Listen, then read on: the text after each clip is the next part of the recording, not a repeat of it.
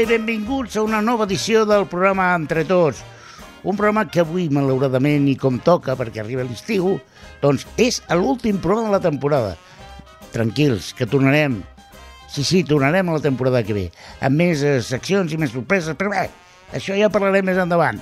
D'entrada, avui tenim... Eh, bueno, avui ens hem vestit de gala, eh? tot, tot, tot, mudat, com de diumenge, saps? Que abans els diumenges ens posaven guapos? Doncs una mica estem, estem així, perquè avui, tot i que és de manera virtual, tenim a tots els col·laboradors aquí a casa. I començarem, com no, com no, amb la presidenta de l'entitat entre tots, eh? Sí, tothom de peu, sisplau, eh? Reverència, eh, senyora Carme Garrido, molt bona, molt bon dia. Hola, què tal? No, no, Com eh, vull dir, estem? eh, cofolls, cofolls de tenir-la al Sí? programa, sí, Bueno. sí.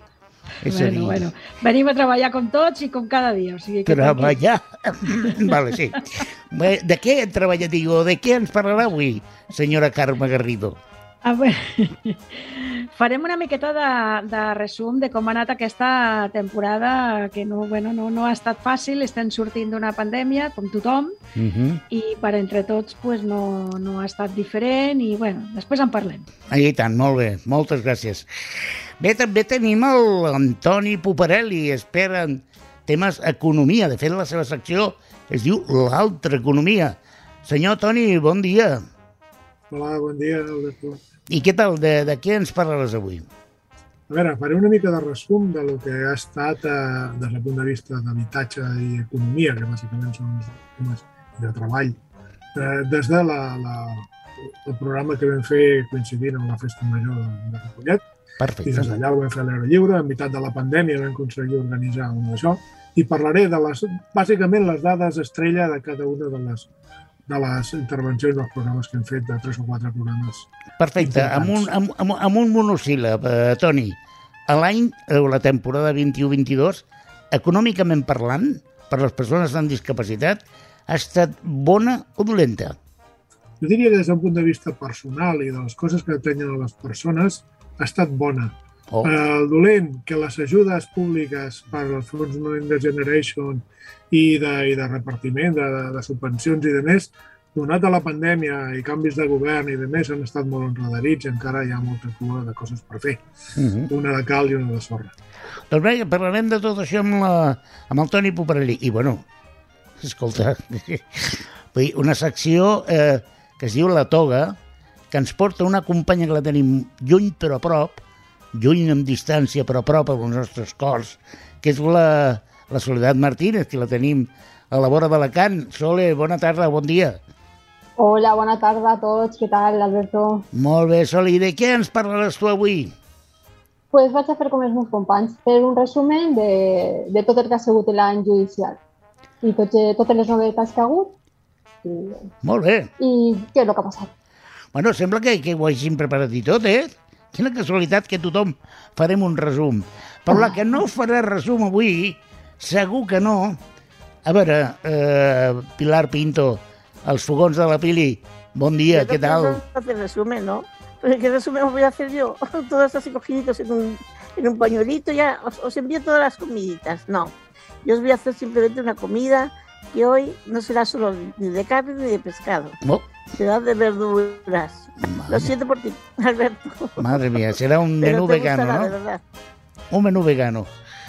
Bueno, pues tenemos todos los ingredientes per fer un programa extraordinari, així que fem una petita ràfiga, ràfiga, ràfaga, a veure, Rafa. i comencem ara mateix.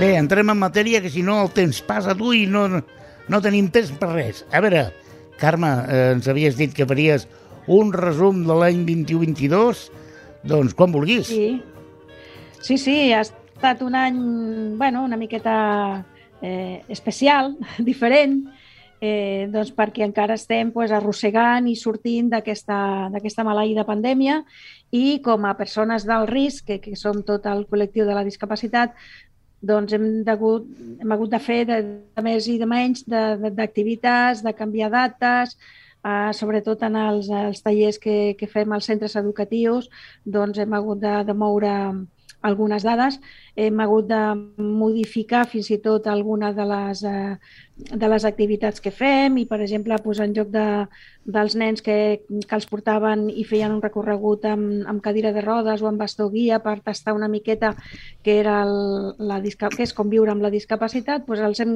canviat una miqueta i sense sortir de la classe per no barrejar i per no fer grups grans, etc. doncs eh, els hi fèiem, eh, sobretot si eren de, de primària, d'infants més, més petits, doncs els hi fèiem pintar mm, de, de color, però amb la mà contrària o amb la boca. I era una manera doncs, de treballar la diversitat, la, la, les capacitats, en, en definitiva. És a dir, els hi fèieu trampa, no, punyeteros? És a dir, voleu saber bueno... el que és? Tal? Doncs mira, clar, com responien els nanos a aquest canvi d'activitat? En, en principi, hola, això és molt difícil, tal, però la que començàvem, pues, mira, mira, tal, jo li estic fent una miqueta, no? I, i després els deia, va, poseu el vostre nom, encara que siguin lletres de, de palet. I sí, sí, el posaven i, mira, mira, Carme, l'he pogut fer, tal. No? I, I després què? I després ho hem de, poder, poder, hem de fer amb el peu?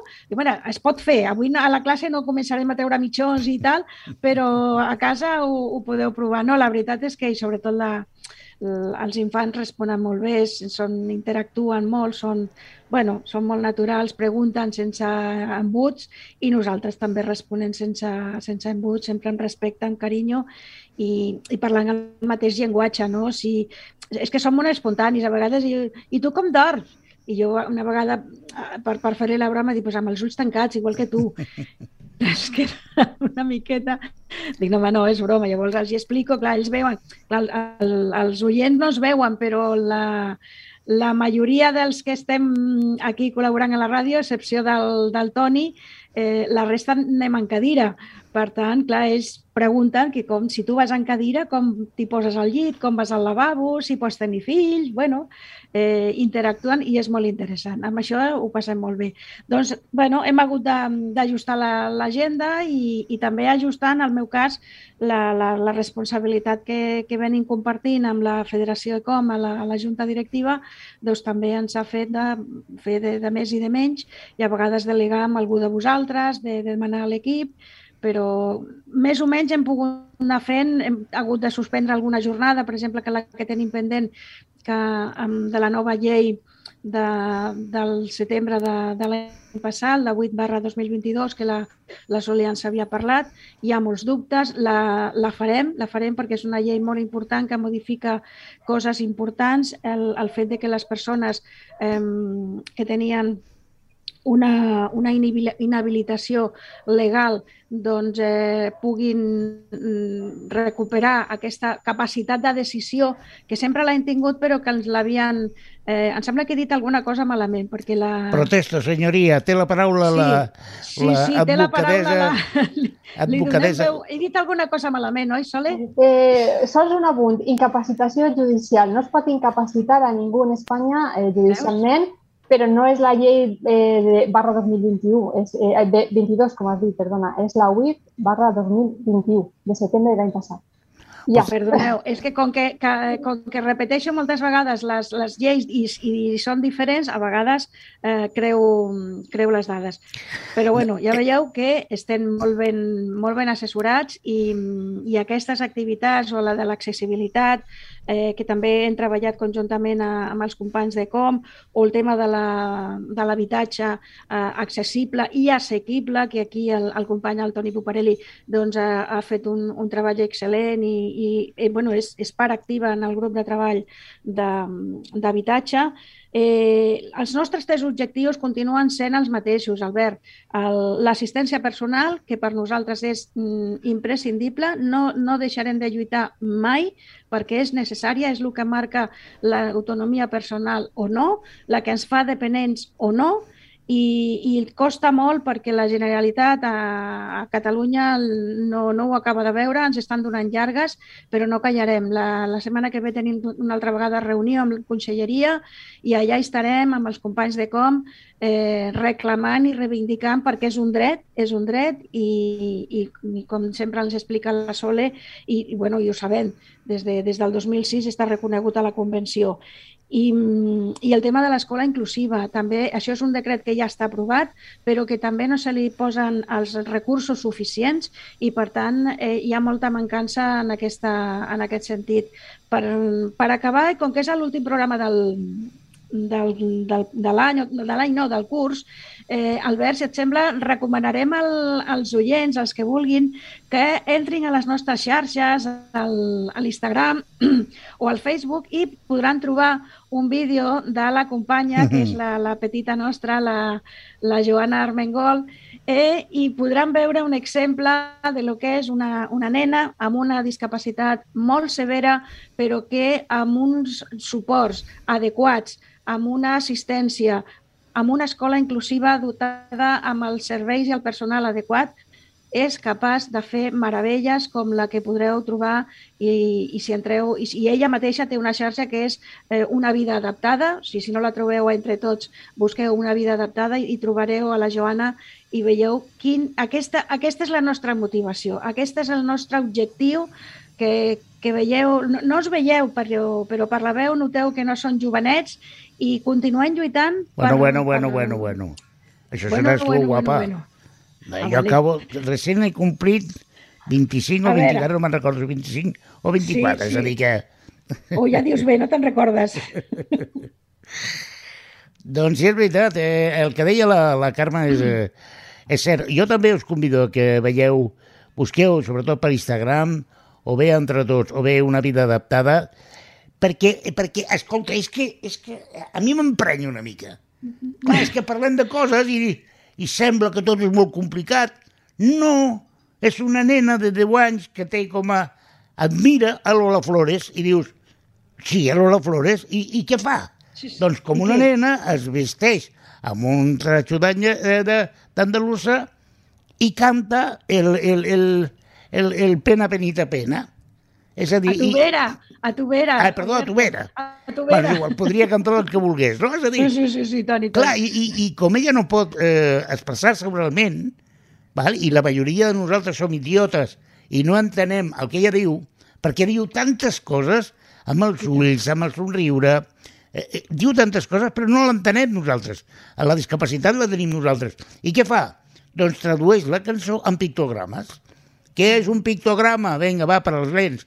Un pictograma és un dibuix que reflexa o reflecteix una situació, una acció, un moment. Doncs bé, e, ella, ella eh, perquè nosaltres entenguem el que vol dir, ha fet una traducció en pictogrames de la lletra d'Atubera. D'acord? A banda d'una interpretació extraordinària del tema. I tant, i tant. És a dir, i direu, bueno, això...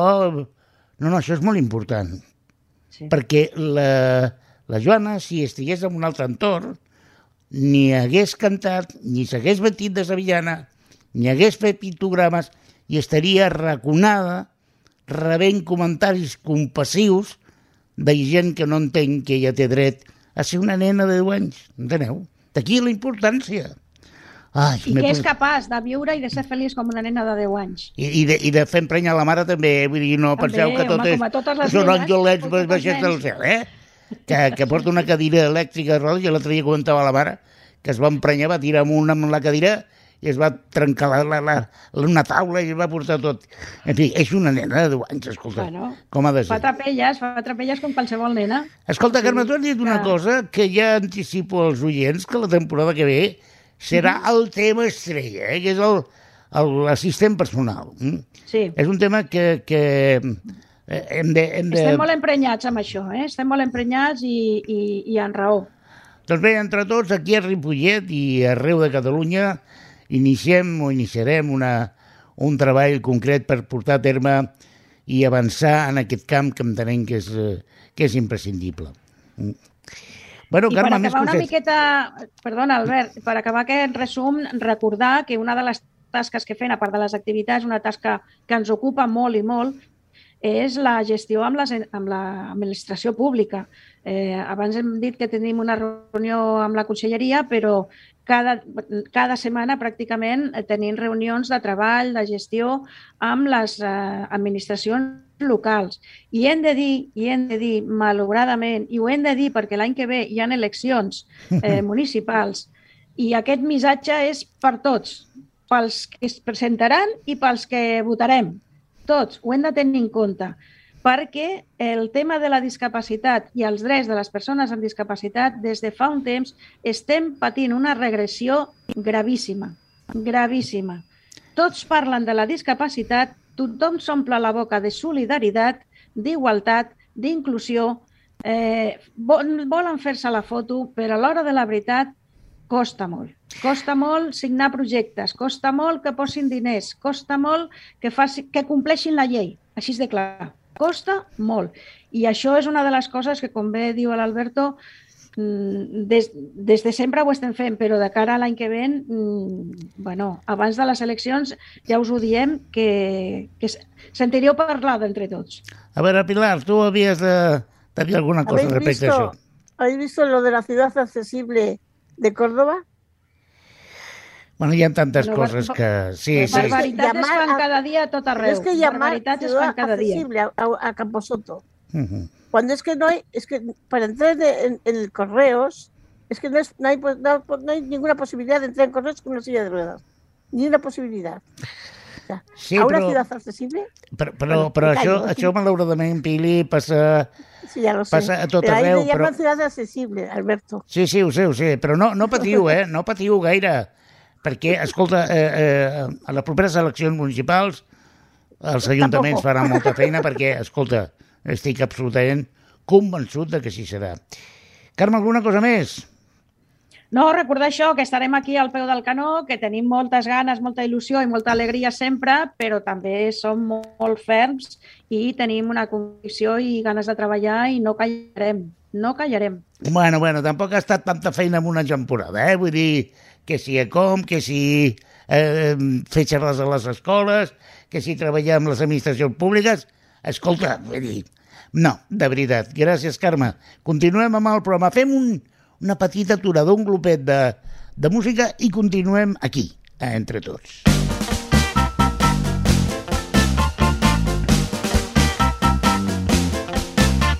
Bé, doncs, eh, tornem aquí a l'Entretots i tornem amb, Escolta, parlem de calés, parlem de, parlem de calés perquè això és important.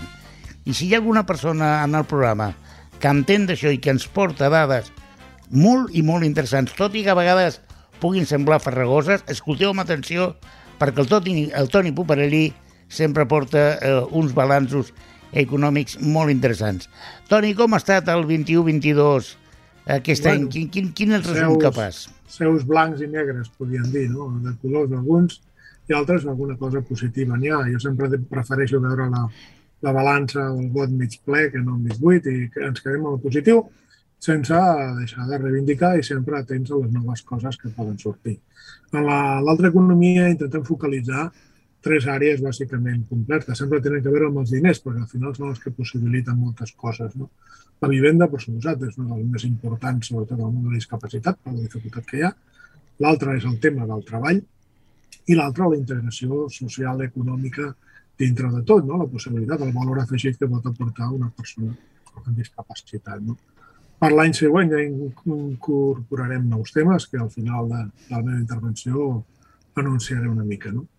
Eh, vam començar la festa major, una mica de resum, parlant eh, d'una dada important. 15% de la població té algun tipus de discapacitat. Un 15% només el 0,6% d'habitatges són accessibles. 0,6, 15%. Eh, Caram. Aquí sembla que hi ha una gran diferència. No? Això fa pràcticament impossible una vida autònoma per una discapacitat sobrevinguda en temps raonable. Igual poden passar mesos, si no anys, per poder tenir una vivenda adaptada. O bé per un projecte de vida independent eh, per al col·lectiu. No hi ha habitatges accessibles en el mercat de compra-venda de lloguer. Inclús amb els cercadors d'habitatges ni tan sols tenen filtres per aquest concepte. Això vol dir que ni tan sols ho contemplen per no haver oferta ni de venda ni lloguer. Aquí faria sonar una campana d'alegria dient en el, el març d'aquest any la, el portal idealista.com de venda i de, de publicitat, podríem dir, de vivendes en venda o lloguer, va afegir un filtre a l'hora de cercar, que un cerca per número d'habitacions, ascensor, no ascensor, coses d'aquestes, no? Eh, va afegir una, un, un clic per poder filtrar per eh, vivendes que siguin accessibles. No diu ni, ni, ni demana al propietari que lloga o que ven eh, cap certificat ni de res, perquè no existeix un grau, diguem, un grau d'accessibilitat. No existeix. Però sí que almenys, per les persones que cerquen una, una vivenda, que sigui accessible, com a mínim filtren molt això. No? En un programa posterior, el darrer, vam fer una mica d'estadística de, del que representava fer una mica de filtre d'algunes poblacions, que era interessant, no? però bueno, com a mínim ja hi ha algo, algo que, que dona una vida positiva que ens tenen en compte, no? igual que en les vacances de turisme, cada cop és més fàcil trobar en els filtres una marca que diu aquest hotel o aquest càmping o aquest camí o aquesta ruta és accessible. Això benvingut, benvingut sigui, no? De fet, eh, en de el fet mateix programa, sí, això, això que dius, Toni, és molt interessant perquè molta gent no sap o, o no és conscient de que en la majoria d'aplicacions, apps de turisme, de, tant eh, les que t'orienten on anar i, eh, com el Google Maps, per, escolta, això no és publicitat, és, o el TripAdvisor o, o altres moltes aplicacions, hi ha la possibilitat de, de fer el comentari i d'especificar que és un espai accessible o no. I crec que el col·lectiu ens hauríem d'acostumar, i quan parlo de col·lectiu parlo de tota aquella persona sensibilitzada per al tema de l'accessibilitat, potser hauríem d'utilitzar aquestes aplicacions eh, i, i anotar si és o no és eh, accessible o no. I el Sí, tema de la vivenda aquestes- està clar que sí. Sí, perquè aquestes coses, vulguis que no, sobretot en el món de la restauració i en el món de... ho tenen molt en compte, no? perquè inclús dintre del, del, del col·lectiu, podríem dir, de les persones amb discapacitat, es mira molt aquestes coses i, per tant, si no és accessible, doncs renuncies a anar a un lloc que faries despesa. Així de senzill i així de... I sí, per tant, eh, això ajuda també a que s'esmerin, eh, encara que sigui per la vessant econòmica, sinó de sensibilització, que la sensibilització sigui econòmica. No? Uh -huh. per, per fer-ho, com a les vivendes, amb aquestes coses. Eh, deia el mateix eh, mes de- d'agost, a finals d'agost, a la festa major de Ripollet, que dèiem que el cost econòmic de tenir discapacitat, eh, segons un estudi de Barcelona del 2019, eh, gira entorn 17.000 euros a l'any de mitjana. 17.000 euros de sobrecost addicional al, al cost de la vida i de més. Si afegim els costos indirectes, com vol dir deixar d'ingressar algun familiar per tenir cura de la persona, la factura pot pujar fins als 41.000 Per, euros. per, perdona un moment, Toni, per, perdona un moment, perdona un moment, perdona un moment. Sí, És que em penso que no ho he escoltat bé. Has dit 17.000 euros l'any que té una persona amb discapacitat. d'una persona amb discapacitat. Dis- 17.000 euros. discapacitat. Bé sigui per el que deixa d'ingressar, per tenir no sé què, el que representa això. I a més a més, afegim l'impacte econòmic que té, perquè si una resulta que té cura de nosaltres familiar que deixa de treballar per tenir cura de nosaltres o de persones amb discapacitat, deixa d'ingressar uns diners, amb la qual aquí això arriba a la factura, es dispara molt més. No? Mm. I per tant, i aquí anticipo una mica el que podem parlar l'any que ve, no? quan parlem de l'assistent personal. Ah, assistents personals. Eh? Què sembla? Mhm. Potser que faríem una, un balanç molt positiu, no? L'any que ve seguirem amb molta atenció el tema de l'assistent personal, sobretot en la vessant econòmica, quin impacte té i què voldria representar enfront d'altres solucions que donen moltes vegades l'administració, com és el, la solució residencial o la solució de centres especials o la solució d'escola no adaptada, etc etc etc. Sí, perquè en aquest, en aquest, No, no, en aquest camp hi ha, molta polèmica. Hi ha qui defensa ultrança no? la, la viabilitat econòmica de les residències, però tot eh, estudi seriós demostra ben bé el contrari. Vull dir que... Clar, perquè el que s'ha de tenir en compte és el cost de l'oportunitat. Quin valor deixa d'aportar aquesta persona amb discapacitat a la, a la societat? De qualsevol tipus de, de valor, eh? econòmic, social, etc etc. no? Inclús aprenentatge, per exemple, en una escola, el fet de- d'estar integrat en una, en una educació, eh, en una educació inclusiva, eh? quin valor aporta amb ell i a les persones, a aquesta persona, i a les que, als estudiants que conviuen, perquè fan que s'integri i es vegi d'una manera normal la inclusió i que es veu que són persones que no tenen una discapacitat, sinó que estan tan normals com els altres, perquè s'ha integrat i s'ha i s'ha fet inclusiva. I comença l'educació, i segueixen la feina, segueixen l'habitatge i tant altres temes que pot aportar un valor. El fet de vegades tan senzill com que ja pugui haver aquest filtre de poder cercar una vivenda accessible, igual hi ha persones amb discapacitat que ara es planteixen una possible canvi de residència per una vida millor o una vida, per fer una vida més independent, o el que ells vulguin. Un petit clic que pot semblar poc, però ja és un pas per, per que pugui aportar més valor, encara que sigui només a si mateixa, a la persona. Uh -huh. eh, parlaven també dels fons Next Generation, que hi havia 1.150 milions, estem parlant d'agost, setembre de l'any passat, 1.150 milions de, de, que arribaven per ajudes a l'habitatge, dels quals 186 eren per Catalunya. Però resulta que estaven supeditats a, a, a l'eficiència energètica. Aquí, com a, això, les entitats han batallat i s'ha discutit amb el govern central i, i a més per intentar que la discapacitat es tingués en compte. Sembla ser que ara, a partir d'aquesta tardor, un any més tard, es començarà a parlar d'un altre fons específic per a adequació de vivendes per fer-los accessibles, o sigui, que es puguin destinar i no estiguin tan lligats al tema de l'eficiència energètica com l'any darrer. Una de cal i una de sorra, una de cal positiva que porta coses d'aquestes. Uh -huh. Saltant, després, al mes de gener, ja d'aquest any, eh, parlaven d'una estadística, d'un recull d'informació, d'una enquesta, per millor dit, en el qual parlaven de la situació de, de la contractació de persones amb discapacitat, com estava la feina, com estava el tema, no? O sigui, l'ODISMET i alguna, el Seguretat de Discapacitat, el Mercat del Treball de la ONCE, doncs feien una mica de, de recull estadístic i això, no? el col·lectiu de les persones amb discapacitat representa el 6,2 de la força laboral del nostre país. Recordem que parlàvem de que un 15% de les persones amb discapacitat, i aquí diuen que un 6,2 de la força laboral, més d'un milió 800.000 persones, estem parlant, si sumem les persones de més de 64 anys, ens anem a 3 milions i pico. L'any 2020 es van destruir més de 100.000 contractes de persones amb discapacitat, degut a la pandèmia, principalment. Era molt difícil mantenir, i s'entén, en part, que no poguessin mantenir els centres de més, les persones amb discapacitat, tota la seva problemàtica per gestionar la, la, la, la seguretat eh, sanitària de més, i això va, va trencar, va representar un 30% menys de, dels registres de l'any precedent. I la ruptura de 7 anys interromputs de creixement. Això vol dir que es donava un creixement important. El col·lectiu de discapacitat del món laboral és molt dispers, molt, molt divers, o sigui que és col·lectiu de col·lectius, no? perquè mentre el 44% de les persones que treballen és, tenen discapacitat física, un 17% tenen discapacitat psicosocial, podríem dir en part d'intel·lectual i en part de dificultats de comunicació. Eh, un 10% discapacitat intel·lectual i un 5% de tipus sensorial, que un 4,9 són visuals i un 4,6 auditiva. Això s'ha de sumar al 19% de persones amb discapacitat reconeguda, les dones representen el 43% i els més joves un 5,2%. Integració laboral, eh, les persones amb discapacitat es troben 43 punts per sota en la tassa d'activitat.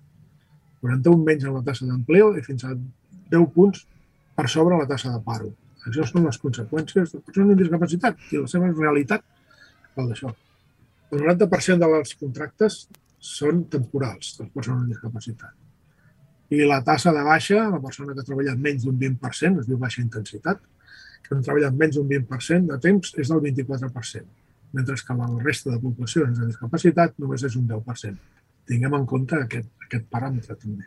Mm -hmm. eh, hi ha moltes altres dades estadístiques, però prefereixo que ens quedem amb aquestes petites. No? Una altra seria que el 58-60% dels treballadors assalariats la persona amb discapacitat treballen en entorns laborals no inclusius. Vol dir que la majoria treballen en centres d'inclusió o en centres específics eh, especials de, de persones amb discapacitat i, a més, en el qual no es compleix una quota que entendríem raonable d'integració i d'inclusió de les persones en el món laboral normal, entenem com a normal de per qualsevol persona sense discapacitat. Mm. El tema de salaris és, eh, és també baix. Els salaris eh, per arribar a un salari de, de 1.500 euros ens n'anem al, al 70% de la població treballadora amb discapacitat, 1.500 euros. Mm. Això eren dades de l'any 19, però eh, tenim en compte això, de dir, ho dic, un 75% de les persones amb discapacitat que treballen cobren, ingressen 1.500 euros o menys.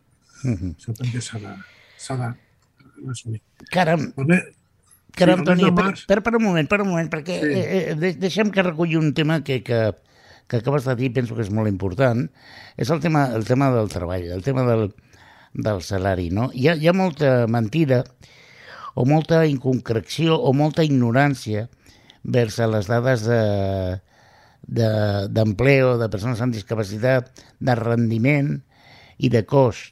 És a dir, això també eh, potser l'any que ve haurem de, haurem de seure i parlar dels diferents models d'inserció laboral que, patim les persones amb discapacitat i quines són les alternatives i quina és la situació, el, mapa laboral de la persona que té una discapacitat, perquè, perquè d'un i do per les dades que estàs donant tu envers aquest tema, eh, déu nhi Sí, perquè a part també s'han alterat eh, lògiques que anys enrere estaven previstes o es van fer i estaven complint, que les empreses amb més de 50 treballadors tenien que tenir una o dues persones amb discapacitat en plantilla i si tenien més de 100 tenia que ser un 2%, amb la qual es, es millorava la integració. Resulta que després s'ha- s'han anat retorçant, resulta que hi ha empreses especialitzades en contractar gent amb discapacitat, persones amb discapacitat per compte d'altres empreses. Resulta que aquestes empreses no, les tenen, no estan físicament treballant a les altres empreses normals, entre cometes. Per tant,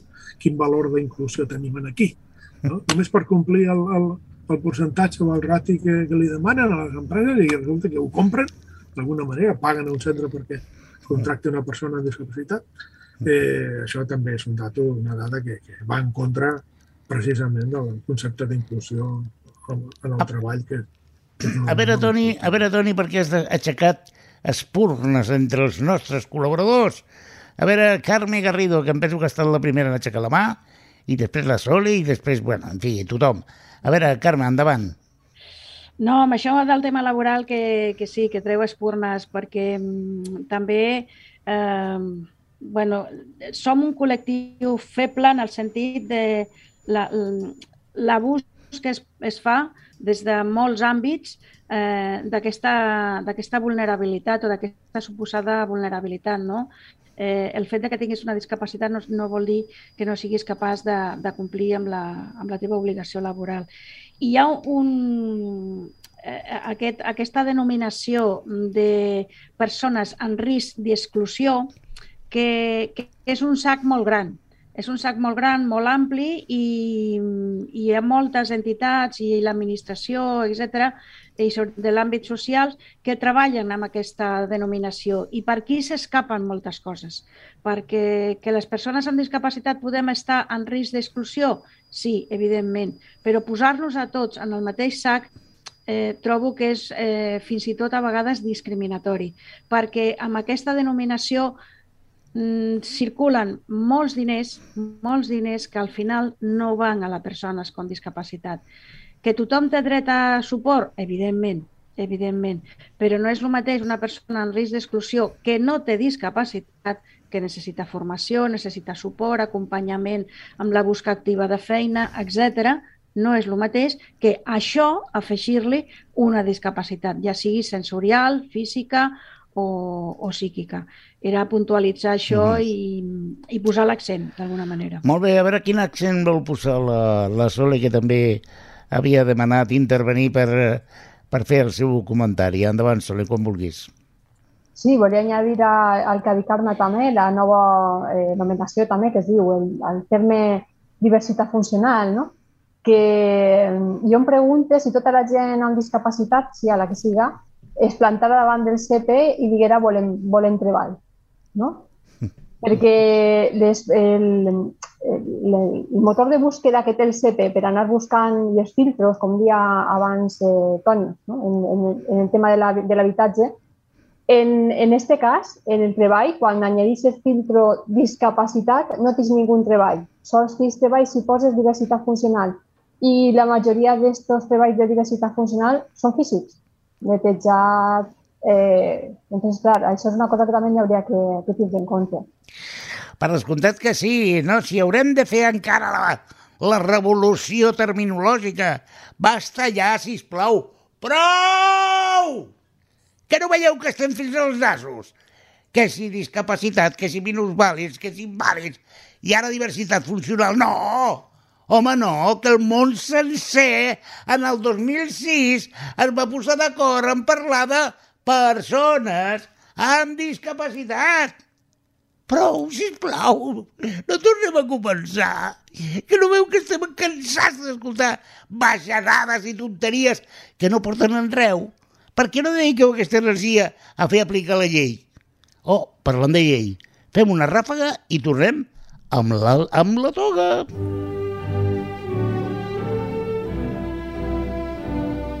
Perdoneu, perdoneu, si ja, si ja és que m'acabo de prendre una pastilla perquè és que amb aquests canvis d'humor és que en seria de debò. A veure, eh, no, ara eh, Sole, Sole que te tenim en aquí a l'altra banda d'Espanya, a la comunitat valenciana, i que ens porta temes molt interessants. Eh, avui fas un resum de... Endavant, explica, explica allò que tu i solo tu saps dir com tu dius. Jo li he posat a este resum, per dir-lo d'alguna manera, li he posat el títol de la barra. ¿vale? La... Le he puesto el, el, título La barra. ¿vale? Y bueno, ¿no tenéis un poco hoy la sensación, como es el último programa, así de cuando nos daban las vacaciones en el cole, ¿no? Del sol y tal? Pues yo creo que esa es la misma sensación que parecen tener muchos cargos públicos durante todo el año cuando se habla respecto al tratamiento y aplicación de las leyes vigentes, respecto a lo que hemos hablado, accesibilidad universal, educación inclusiva y asistencia personal, entre otras cosas. ¿eh? Este año he intentado hablar, y lo he hecho de forma muy emocionada en esta sección, y lo he hecho porque se han conseguido hitos en nuestro ordenamiento jurídico muy grandes. Hablando en plata ha sido la leche, la leche, de verdad capaces de cambiar la perspectiva respecto al concepto persona con discapacidad, como bien decías, eh, Alberto. Apoyo en lugar de protección, hacer desaparecer, como decía Karma, la incapacitación judicial en España, crear un sistema de apoyos, grandes avances. Os he hablado de la ley eh, de la legislación europea, de los presupuestos e instrumentos de esta legislación. También una y otra vez os he hablado sobre la ley barra número barra 2021 o barra 2022. Hoy no. Únicamente deciros que, como muchos sabéis, soca la cantina, parle el català occidental del sur, no el del Barcelona, com con Alberto, que té classe, i en el meu poble, a una persona que és cara dura, que té molta, la cara molt dura, se li diu què barra tens? Què barra? Y ese sería mi resumen de este año. ¿Cuánta legislación buena aprobada y qué barra que tienen algunos. Todas y todos sabemos que no conocer la ley no nos exime de cumplirla, ¿verdad? Todos. Un, ay, es que no lo sabía. Cuando te para un agente de, yo qué sé, de tráfico, no te vale. Incluso si tienes una pena de cárcel. Y ya no digamos ya con la agencia tributaria, ay, es que no sabía que tenía que pagar. Eso no nos vale, ¿verdad?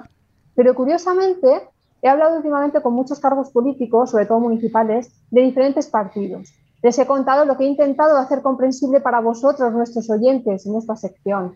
Si me apuráis, he sido muchísimo más didáctica. Les he contado que no conseguir la accesibilidad universal equivale a, por ejemplo, construir una carretera. Una carretera que fuera una única salida, que, que vuestro pueblo o ciudad tuviera una única salida y que fuera esa carretera. ¿vale? Y que el poder, eh, el poder, los cargos públicos dijeran, anunciaran a bombo y platillo que van a hacer una carretera de salida de cuatro, de cuatro eh, carriles. Pero cuando están ya casi acabando encuentran un, pequeño barranco de unos tres metros. Y entonces se dan cuenta que tienen que hacer un pequeño puente para enlazar esa carretera, que, que nos sale acá del municipio, a las demás carreteras. Entonces dicen, uy, no hay presupuesto. Y dejan la carretera que llegue hasta el barranco. Pero dicen, bueno, como carretera a ver la isla, la vamos a dejar abierta y no vamos a poner ninguna señal, ¿vale? Y ahora imaginaos vosotros saliendo por cuatro carriles, guau, por esa carretera. Sin aviso, ¿eh? Llegáis al barranco para caer al Hotel May Luis. ¿Os parece una parodia? ¿Os indignaría? Pues ese es el día, día de las personas con discapacidad. Rampas que comienzan o acaban en un escalón, pero según la gente, los cargos públicos son rampas accesibles o por lo menos rampas, cuando las hay. Es ridículo. Cuando los pones a cargos públicos autonómicos y locales cargos que tienen la obligación legal de estar al día con la materia que les corresponde, te contestan, es que lo que nos cuenta sobre estas leyes no lo sabemos, nos tenemos que poner al día, pásate de vez en cuando y vamos viendo.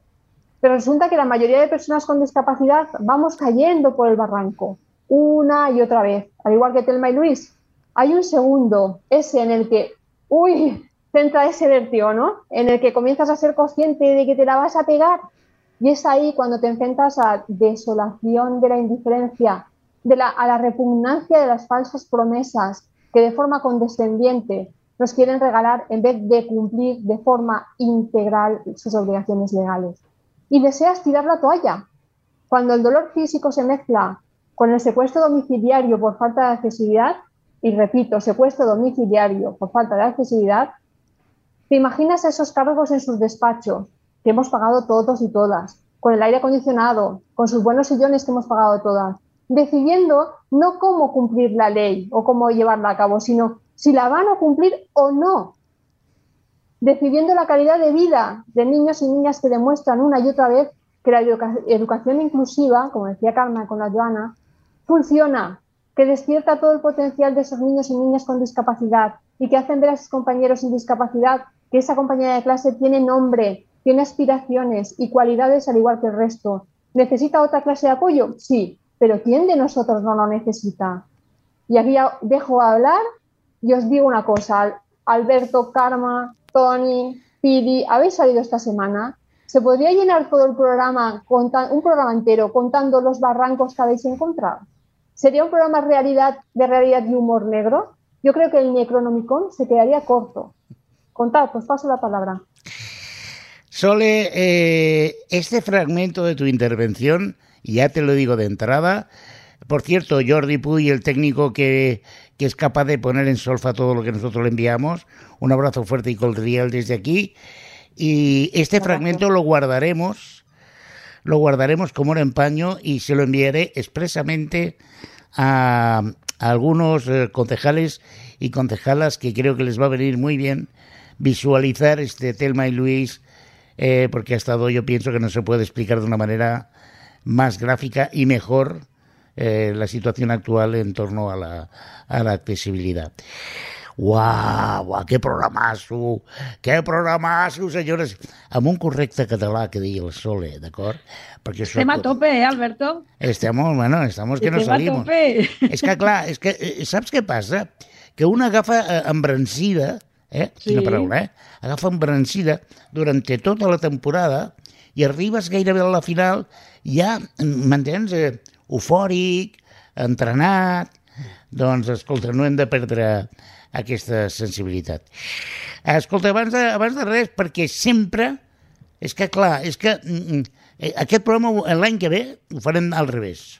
Ho farem al revés, començarem amb la Pilí, perquè, escolta, no pot ser que arribem gairebé a correcuita, avui tenim una mica de temps, i que la Pili, doncs, a correcuita ens ha de donar la recepta, quan el més important són els fogons de la Pili. Fem una petita pausa i continuem amb ella.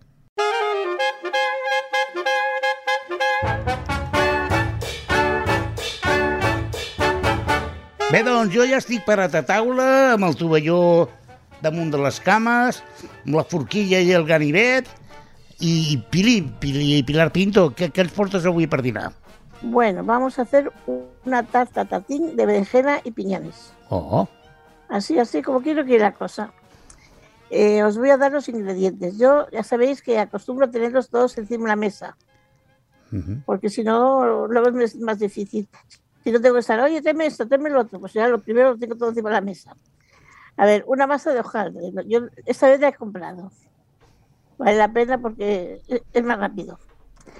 Una berenjena, porque para dos o tres eh, con unas es suficiente. Dos cucharadas de piñones, un diente de ajo, seis tomates secos en aceite, una ramita de romero, aceite de oliva, sal y una cucharada de azúcar moreno. Ah, todo eso. Em, em, la elaboración es la siguiente. Lavamos primero bien las berenjenas y las cortamos en rodajas. La cortamos en rodajas y la ponemos en una bandeja con papel absorbente con una pizquita de sal para que, para que quede todo el amargor. Luego la, la, la secamos bien y la freímos por los dos lados, que quede bien hechita, porque, o sea, que quede tostadita por los dos lados. Yo esto la pongo luego también en otra bandeja con papel absorbente para que no para que la- el aceite no coja demasiado. Esto ya ya está. La verdad es que la faena que tiene es poquísima. ¿eh? Una vez hecho esto, cogemos una un, un, un, como si un accesorio de aquellos de, de hacer pasteles, de aquellos que se abren así, y, y queda, pues ahí le pongo, debajo de todo pongo un o sea, una cucharadita de sal, de, sal, de, de azúcar moreno, así Ujú. por encima. Poca cosa, ¿eh? no llego ni a una cucharada. Yo le, le pongo una media cucharadita. Luego le pongo unas hojitas de, de romero y, y, unas hojitas- y los piñones. Que los he puesto, que esta vez no los he eh, puesto a- a to- en, la, en la sartén, pero yo creo que quedaría mejor si los pusiéramos en la sartén bien tostaditos. Bueno, ya está, eso ya está. Cuando ya tengo todo esto hecho, eh, esto en, en el, en, el, en el recipiente para el horno, ¿eh? A ver, sí, la herramienta- los piñones, el ajo, mm, la- o sea, laminado, los tomates secos, yo los he abierto, los tomates secos porque queda mejor. Son tomates secos de aquellos en, en aceite, que son, son gustosos. Cubrir todo, cubrir toda la, la superficie con las rodajas de berenjena. Yo las, yo la he cubierto toda. Una, una berenjena me ha dado para toda, cubrirlo toda y quedado muy bien. También he hecho unas hojitas pequeñitos de, de brócoli. He pensado que solo berenjena a lo mejor era poca cosa. Entonces he cogido un brócoli y los, los he hecho en trocitos muy chiquitines y he puesto también un poco de brócoli. Más que nada porque como a mi, a mi nieta le gusta mucho el brócoli, digo así a ver si le engaño y la come. y bueno, esto ha sido por ahí. Eh, luego ya cogemos todo esto, lo tapamos con el, con la, con el hojaldre, lo metemos por los bordes por adentro y al horno. 20-25 minutos. La sacamos, le damos la vuelta para que quede la- la- lo que es la parte del, del- la parte de, hojaldre por, por abajo y la parte de, de la del- de la berenjena y los piñoncitos por encima. La verdad que queda rica, no hace falta nada más. Eh, es muy fácil, muy sencillo y en 20, 40 minutos está hecho. O sea que no ha sido difícil. Eso para vosotras dos, he pensado en vosotras dos, la verdad ha sido esa. Mariajo y Sole, ¿vale? La próxima vez buscaré alguna otra cosa. Tengo muchas cosas por ahí por hacer, pero esa vez me ha gustado eso. Muy bien, espero que os guste, que lo hagáis. Alberto, come algo de fruta, de verdura, hijo, que no, no pasa nada. Ai, Déu meu. Y ya está. Bueno, Sole, no et queixaràs, eh? Que és de tot això. eh, no, no, gracias, Pili. eh, Ha sido un detalle magnífico. Te lo agradezco mucho. Muchas gracias.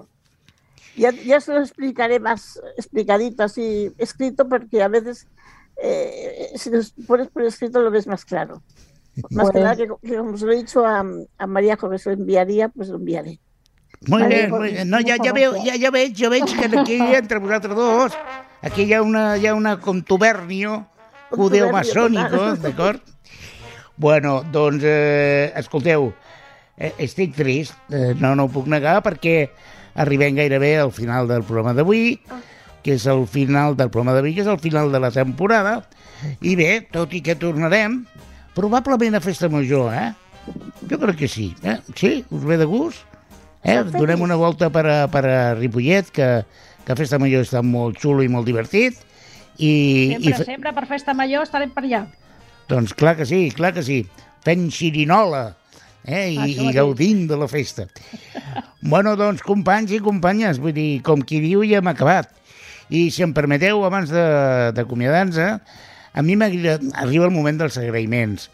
I vull agrair, en primer lloc, a Ripollet Ràdio, que ens ha obert les portes per poder fer aquest programa a través de, de la seva emissora, programa que es pot escoltar en ripolletradio.cat, programa que fem amb molta il·lusió. També vull agrair mm, al Jordi Puy, el tècnic, que se li hem, li hem posat una mica difícil la feina, perquè, com sabeu, arrel de la pandèmia el programa el fem cadascú des de casa seva i demano disculpes si a vegades el so no té la qualitat que, a la que ens té acostumat Ripollet Ràdio, però hem preferit renunciar en el 100% de la qualitat de so vers el contingut i també agrair eh, doncs, els col·laboradors i col·laboradores que cada mes han fet eh, una extraordinària feina i ens han portat temes molt interessants, com per exemple la nostra presidenta de l'entitat, la senyora Carme Garrido, que a més a més ara no, no ho vol dir, però l'han anomenat secretària d'ECOM, saps? Vull dir, com si era poc això de ser presidenta d'entre tots, ara ara l'han fet, l'han fet eh, secretària de, de, de com, entens? I espera't, espera't que, es parla d'ella que si la nova presidenta, que si... Però bueno, això ja parlarem, eh? Ella no, No, vol no, dir no, res. no, però- no, no, no, no, no, no t'enredis, Ah, no bueno. Carme, què? T'estic sentint, que t'estic sentint. No, Pot- no, no, més feina no. Doncs, Carme, moltes gràcies. Vols acomiadar-te de l'audiència per aquesta temporada? I tant, i tant. Molt agraïts eh, als companys, als tècnics, la gran feinada que, que sempre fan i la col·laboració, sempre estan pendents i, i a la resta de companys d'entre tots pues, que, que hem de dir orgullosos i contents de, de comptar amb aquest, eh, amb aquest equip tan divers i tan, però tan, tan ben format i que fan tan bona feina. Tornarem, tornarem per la festa major i, i després de festa major també amb, amb temes, no sé si nous, perquè, perquè millor són repetits, però li donarem un altre enfoc i, i d'aquesta manera podrem continuar treballant. O sigui que bon estiu, moltes gràcies a tothom i endavant. Veieu com, com està molt, molt enfeinada?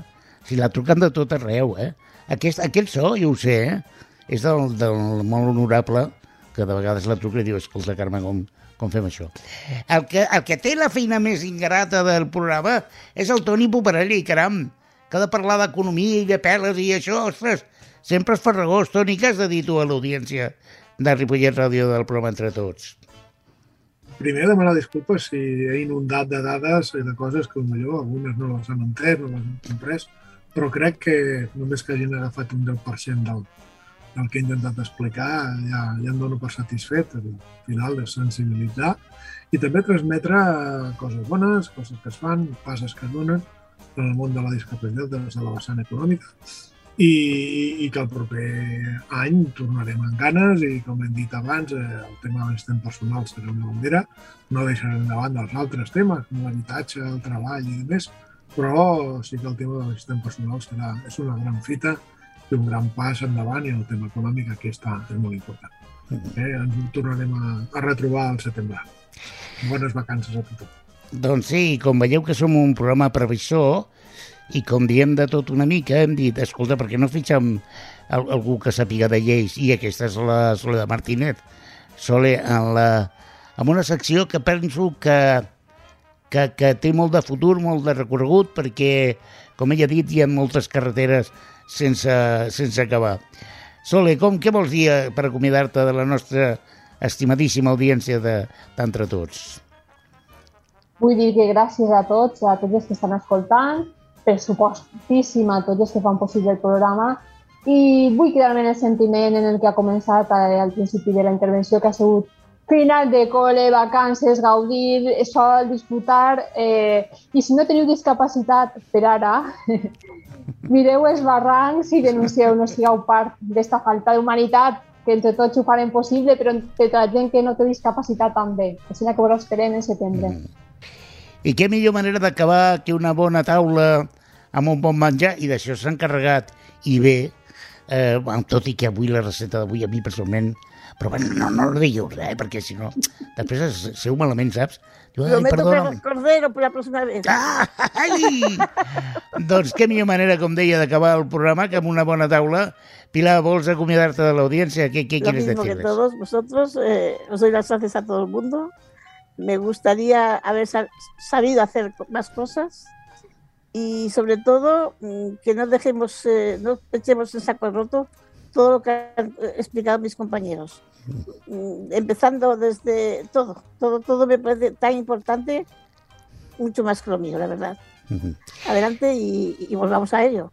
la próxima vez, ¿vale? Un besito. Bueno, de l'aliment per estar forts i, i amb molta energia de, de lluita. Per la meva part també vull acomiadar-me de, de tots vosaltres, de l'audiència que ens escolteu, eh, agraint eh, la col·laboració, i però enteneu, heu d'entendre que la nostra activitat, el nostre programa no és, tot i que ho intentem, un programa de divertimento.